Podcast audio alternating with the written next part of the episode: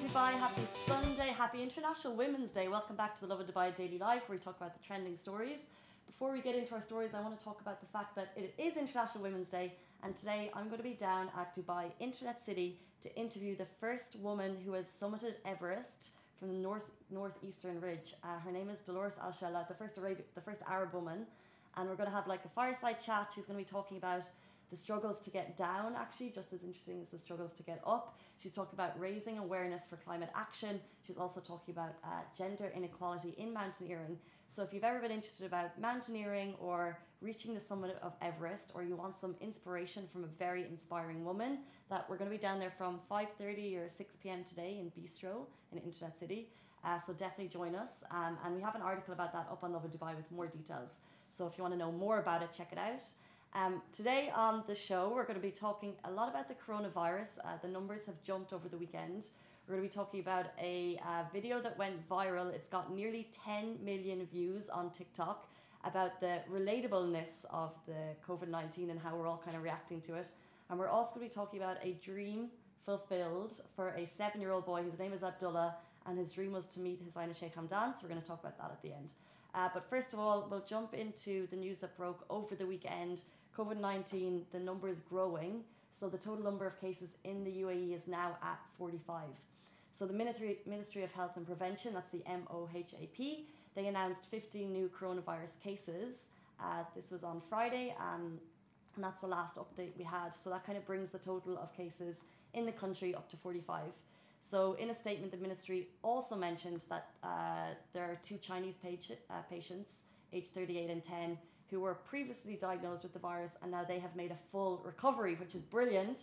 And that brings the total number of recoveries in the UAE up to seven. Um, so the MOHAP confirmed that the 13 uh, new cases, they arrived, um, 13 of the new cases arrived from abroad, uh, from countries, and they are kind of getting monitoring and kind of all of these cases are getting strict um, medical care. And the cases came from people traveling from Thailand, China, Morocco, India, Saudi, um, and they're also UAE nationals. And all confirmed cases monitored are said to be in a stable condition, and as they are also being provided with the all necessary healthcare around the clock. The ministry has also advised all of us to please remember avoid direct contact with people in public, in particular cheek and nose greetings, shaking hands, um, kissing and hugging. And what's interesting about that is I don't know if you've seen the videos going viral, but I've seen uh, videos, diff- uh, TikTok about how people are greeting each other now. Chai, have you seen morning Chai? Happy Sunday. Happy Sunday. Elbow bump. Elbow bump. I've, I, that's interesting. Have you guys seen? So now we're kind of adjusting to COVID nineteen, and I've seen guys do kind of like the uh, Yeah. toe bumps. Yeah, it looks like a dance. I started doing fist bumps, but I guess that's not. But then how's you're, you're still contact, right? It's still contact. Um, it's elbow. It's elbow bump. Um, yeah, there's people doing toe bumps. So there are ways that you can greet people without spreading the virus. Um, also, just want to talk about the numbers. So we're hearing that it's gone up to 106,000 cases worldwide. However, there have been over 60,000 recoveries. So as we see the numbers grow, this is kind of a reminder not to panic, and the UAE is constantly telling us not to panic. Um, the recoveries are growing more than the actual cases being announced. So that is something to remember if you are nervous, if you are a kid or um, and you're not going to school because of the coronavirus, and you think the numbers are jumping up and up, just do remember that the recoveries are also jumping up. And also, there's been a lot of fake news going around over the weekend, um, and the authorities are doing their best to stamp it out. So, if you are getting information on WhatsApp groups, if you're hearing rumors, uh, one I heard, and it's one that the RTA have had to stamp out as well, is that, that they were fining people for wearing masks on the RTA. And the rumor going around was that it was a, a 600 dirham fine for wearing a mask. That is not true. The RTA have come out and said it's not true. You have been advised that it's not in your best interest to wear an N95 mask. We spoke about it on the show the last day because um, a wear it if you're a health worker or if you are caring for someone or if you have the disease and you don't want to spread it. However, if you are wearing an N95 mask just for the sake of it, it could actually cause respiratory problems. Um, so just don't do it. But the rumor about RTA um, banning them is totally untrue. It's fake news, so just not true. And we'll move on to our next story. So this is kind of interesting. It's basically Emirates want you to be able to travel, um, but they're also very aware of the situation at the moment. So what they're doing is uh, they're allowing passengers to adja- uh, delay or adjust your travel dates without imposed fees.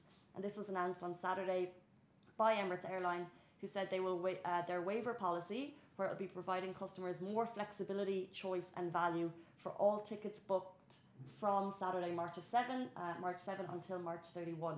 So the new policy covers all existing destinations aqua- across the Emirates network and allows passengers the choice of changing your travel dates without an imposed reissuance fee.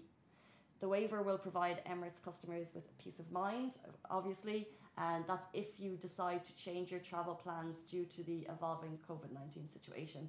Travellers will be able to alter your booking to any date for travel within an 11 month date range in the same booking class without any penalties, which is pretty good. However, uh, there the difference in fare um, will apply. So, of course, obviously, if you are looking at a different date that's more expensive, then you can know that uh, that fee will apply. But I think it's really amazing that Emirates are allowing a date change um, starting from Saturday up until the end of March. Uh, so, basically, giving customers, if you need to travel, it's giving you peace of mind um, letting you change your date, which is amazing in this kind of onshore time, especially if you're off, if you do have your midterm break at the moment and want to travel, you don't want to incur a hefty fine, which could happen. Um, maybe check with Emirates that that's the way to go about it. What they're basically trying to do is give all customers peace of mind. And this moment in this kind of scary time, we appreciate that. Um, still talking about COVID 19, Mad Shads is a Dubai comedian and he is trying to, uh, I guess, show what we're all like in this situation. Um, we'll watch the video in a second, but I know that we're talking about we're all very careful with our hands. Just everyone I see at the weekend is talking about washing their hands. Everyone is carrying hand sanitizer. I remember at the weekend seeing people like clutching handrails and I, Chai is like holding up a sanitizer. I know I have about three or four in different bags. Seeing people clutching handrails, I was like, "What are you doing? You can't, you can't Oh, touch, no. you can't clutch Yeah, handrails uh, anymore." Don't touch anything. don't touch anything.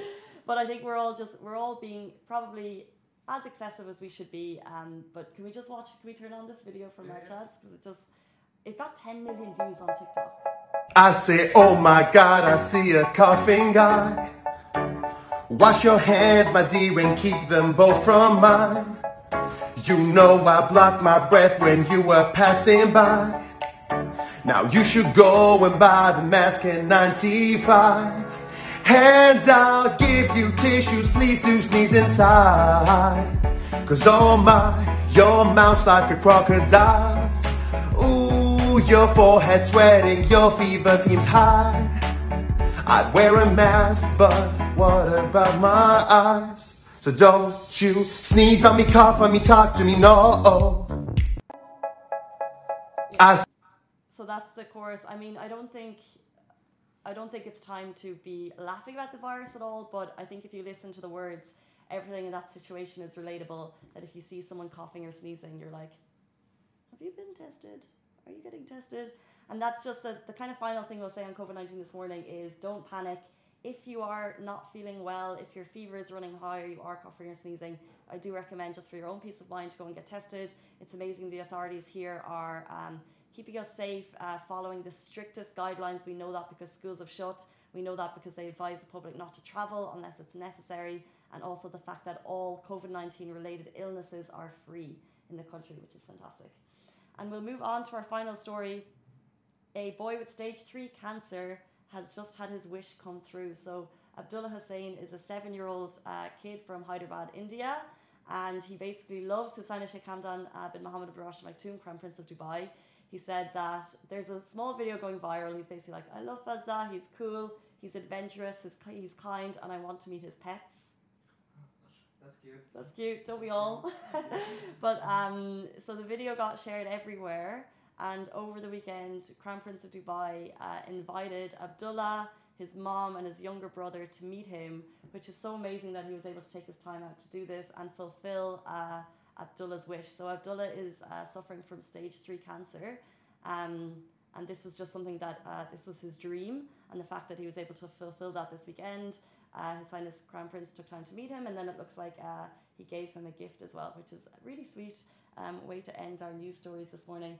Guys, if you have any questions, please drop them in the comments below. We love to meet them, or we love to read them after, and if we can answer them, we'll do our best. And reminder, it's International Women's Day. We're going to be down at Bistro um, in Dubai, Internet City, talking to Dolores Al Shella, the first Arab woman to summit the northeastern ridge of Everest, which is amazing. So we'll be down there at 5.30, 6 p.m. And if you want to join, please do. Tell your friends. See you tomorrow morning, same time, same place. Bye. That is a wrap for the Lovin Dubai Daily Live. Remember, we are back with you same time, same place every morning. Do not forget, we also have Dubai Works Business Podcast where Rich sits down with the business people of Dubai so you can get more information about that. And of course, the Lovin Weekly Show where Shireen and I chat to influencers and get to know a little bit more about them. Bye.